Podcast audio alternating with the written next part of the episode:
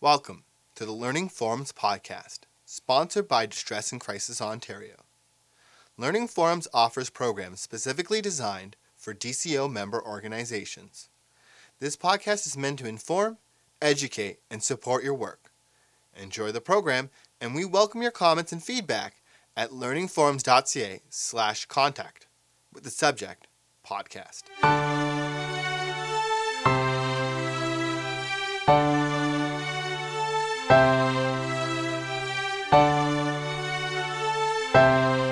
Hi, my name is Brenda Teasel, and I work at the Centre for Addiction and Mental Health at the Problem Gambling Institute of Ontario.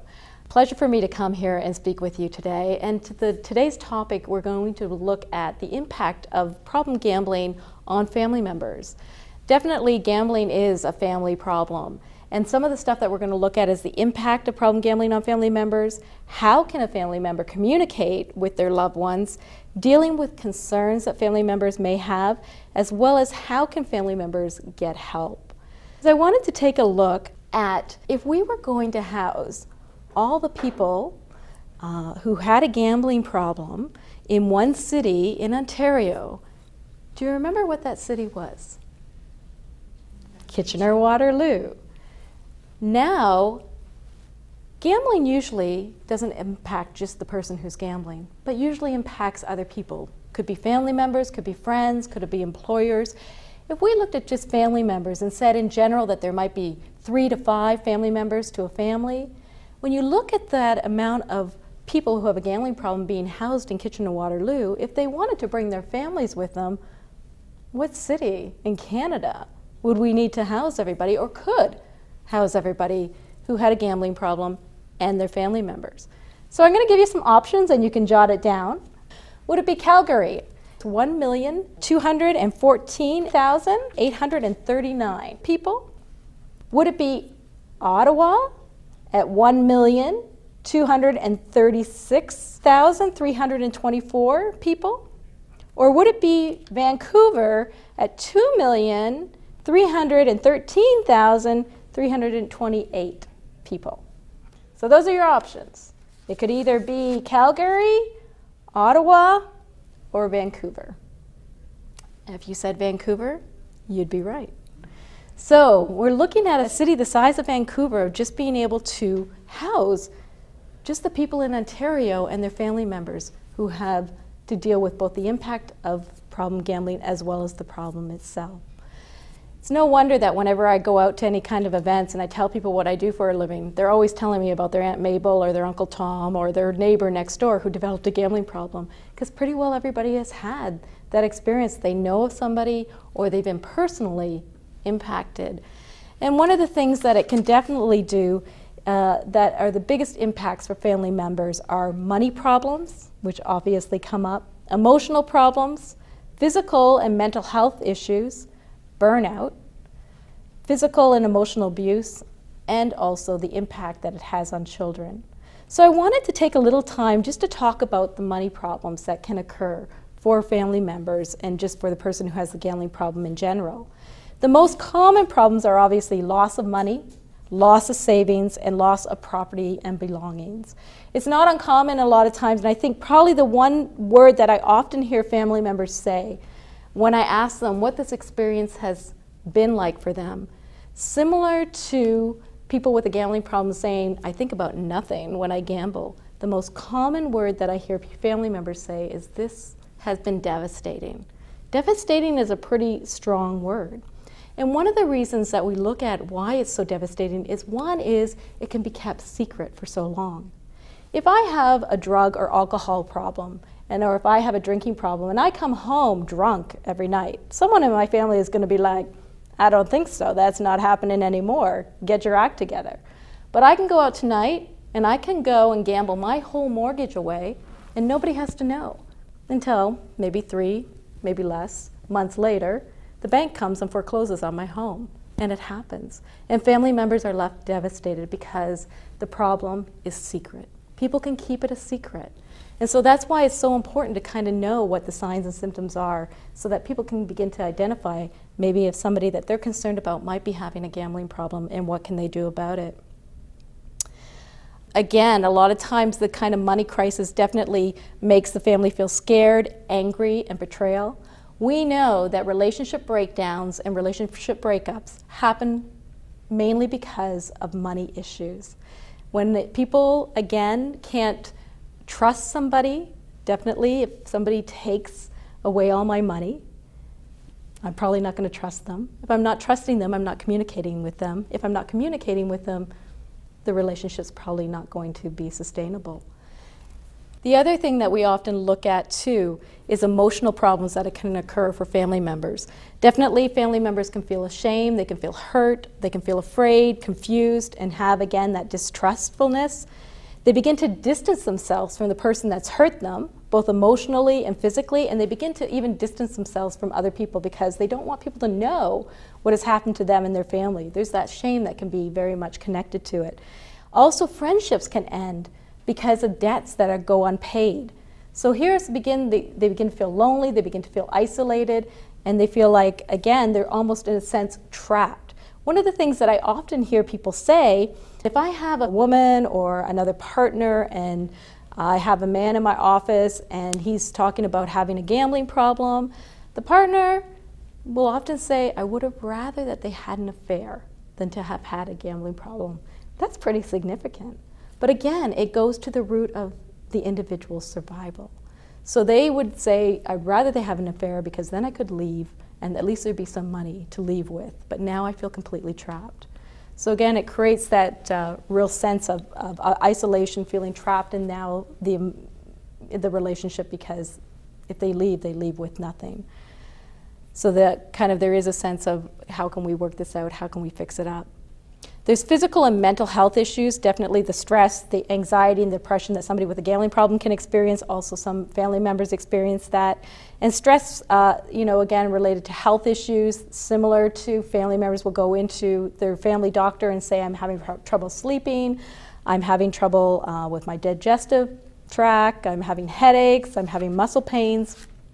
So, a lot of the same things that occur for the person who has a gambling problem also can occur for family members just basic burnout often happens. You know, they may be calling and just saying they're they're exhausted, they don't know what to do. Because a lot of times what happens is you begin to focus on the person with the problem. It's not uncommon for somebody with a gambling problem to want to limit their access to cash. That makes sense, right? What do you need to gamble? Money. So it's similar to somebody with a drug or alcohol problem. If I had a drinking problem, and let's say I was drinking two bottles of wine a night, and I decided, oh, you know, I can't take it. I can't I can't do the wine anymore. So I'm getting rid of all the wine. I'm emptying that cabinet, but I'm going to keep the beer fridge stocked and I'm going to keep the liquor cabinet stocked, but I'm not drinking any more wine and I'll be okay. How long do you think it might be before I start having a problem with maybe some hard liquor or beer? Pretty likely. Similar to what do you need to gamble? You need money. So often it's not uncommon for people to limit that access to cash, and really they depend on family members to help them with that. In addition, though, they also begin to start to seek help, and they may feel the family member doesn't want them to have access to cash. They don't want them to deal with the budget. They don't want them to deal with any of the finances. So all of a sudden, they are burdened with dealing with the chaos that this person created. So while they go off, bye, I'm going to my meeting, they're just sort of left there feeling like, I don't even know how we're going to manage this anymore. So a lot of devastation can occur for them, and then they're left with a lot of the burden. So one of the things that we do encourage family members to come in, if they come in by themselves or even with the person, that there is a real kind of beginning to look at what would be fair and kind of distributing what needs to happen around the finances because one person just can't take on all of that pressure. Physical and emotional abuse can definitely occur anytime there's a lot of crisis in a family, there's family violence is common. And again, gambling problems can lead to physical and emotional abuse of a partner, an elderly parent, or child. And children may definitely get hurt due to pent up anger of the adult, and they begin to take it out on other family members. The impact on kids in particular is feeling very much forgotten they also begin to feel angry. They can't kind of express their anger, it can lead to depression. Kids, when they don't understand what's going on, blame themselves. It's very, very common. And so it really is beginning to how do you communicate in a language that young children will understand is important. I remember I had a client And he had uh, a severe gambling problem, had committed some fraud with work, ended up going through criminal charges, and ended up going to jail. And his little girl was three years old at the time, and he had a little boy who was five. And so he went off to jail, and the little girl didn't understand. Nobody had explained to her that her father had done something wrong and that he had to go away for a while. So she didn't understand what was going on. And her mother said that she would sit in the picture window every night waiting for him to come home for like two weeks. He was gone for three to six months. I can't remember the exact time. And when he came home, she wouldn't leave his side. She would follow him to the bathroom. And she was trying to figure out in her little head, you know, what did I do wrong that made him go away? And obviously, I need to keep my eye on him so he doesn't go away again. So, again, kids really try to make sense of what they can't make sense of. Um, and definitely, there needs to be a, a language that you can you know, communicate. Because a lot of times when it's financial problems or couplers are going through a problem, they just think, I'll just, you know, we don't need to tell tell them that daddy's going to jail or you know finding that language is important because kids again will take it on themselves. Loss of trust for older kids. You know they don't trust anymore. It's like you know my mother my father they just went and all that money that they saved for me to go to university is now gone. And there's sort of that again you know teenagers can be pretty hard on their parents and their expectations of you know them doing the right things. And then again Children of somebody who has a gambling problem are more vulnerable to developing behavioral problems as well as gambling problems themselves. And so that obviously becomes a concern. What do family members really want to know when they come in for help or maybe when they call the helpline? A lot of times they want to, the question that I often get when I first talk to them on the phone is, how can I make them stop gambling? and if I knew how I could make somebody stop doing something that I didn't want them to do, I probably would be on a yacht in the Caribbean right now and not speaking here. So that would probably make lots of money. how can I communicate my concerns is another question that they often have. They want to know how can they do it in a safe way because there's definitely concerns that there might be some repercussions. So, on first, how can I make them stop? You can't. That's not necessarily your job. But there are some things that you can put in place to encourage somebody to get help or trying to begin to make some changes.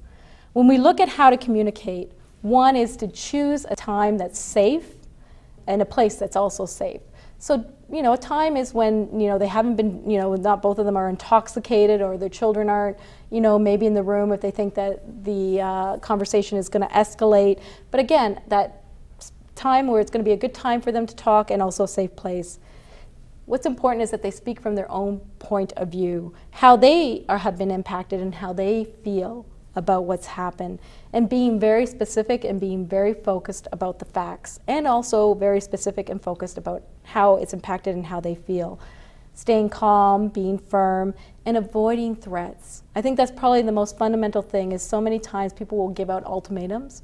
If you don't do this, I'm going to do this. And if you can keep an ultimatum, then that's great. But I often encourage people if you can't keep the ultimatum, if you're not going to do it, then there's really no point in giving it out because it will become meaningless and make the situation more challenging. Provide helpful information. Sometimes people will come and maybe we'll never see the person who has a gambling problem. We'll just see the family member come in for help. And they'll take the information and they'll leave it somewhere where their partner will be able to have access to it.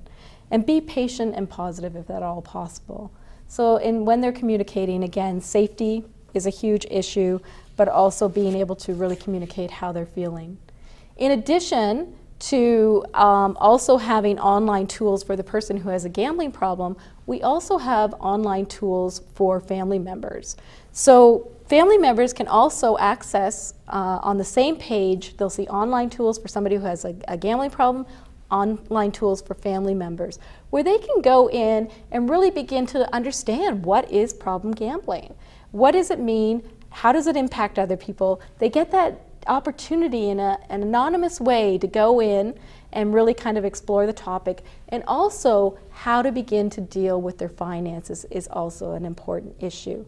If somebody is living with somebody who has a gambling problem that does not want to make changes, they need to separate their joint accounts and their checking accounts because they will be responsible for them if they're not separated. So that is one piece of advice that you can give that you know will be safe. Um, is that yeah they need to look into their finances and, and make sure that they're responsible for separating them if they need to, if the person chooses not to make changes, because that can be extremely devastating. So, one of the things, the other concerns that we talk about is protecting your money. Um, and that is another thing that we talk about on the online tools, as well as them learning how to set boundaries and set limits um, of what they will and won't accept, because that's also an important piece. But protecting their money is huge. How can they begin to do that? And gives them some little tips around that. The other issue is around lending money. I think a lot of times I'll have uh, family members or parents call and they'll talk about what do I, you know, my son has gotten themselves into incredible um, financial difficulty. They're in um, debt with a bookie. The bookie is threatening them. Um, you know, I just want to go and pay off the debt.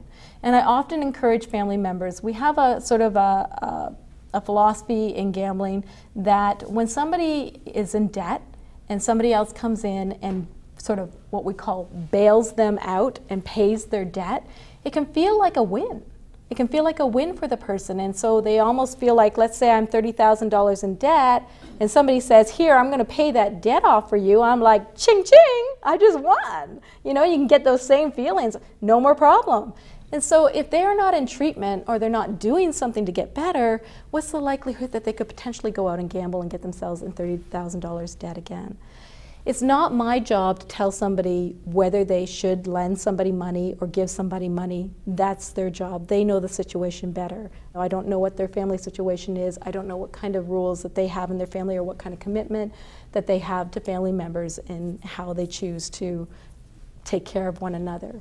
My responsibility, though, is to let them know how they also need to protect themselves. So, one is similar to alcohol or drug use. If somebody was going to say, listen, I'm going to stop drinking, I'm not going to drink anymore, I really had a problem drinking red wine, I'm going to just pitch all my red wine, I'm going to take it out of the cabinet and take it to the curb right now. Maybe it might get to the curb, maybe not. It might be a long ways before it gets to the curb.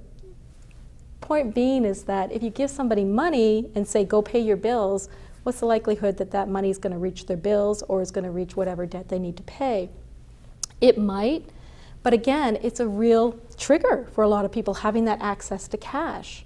And so one of the things that's recommended is that if you are going to lend the money that you either pay the bills yourself, you go with them to whatever bank they need to go to and help them pay those bills. And also what you do is you establish immediately a payment plan to return the money to you. So whether they pay you a dollar a day, whether they pay you $10 a week, whatever they can afford, they know they're on a payment schedule that starts that day. There has to be that sense of responsibility for the individual to say, hey, you know, I know that I've incurred this debt and I need to pay it back. It's not a free ride. It's not, you know, thank you for helping me out.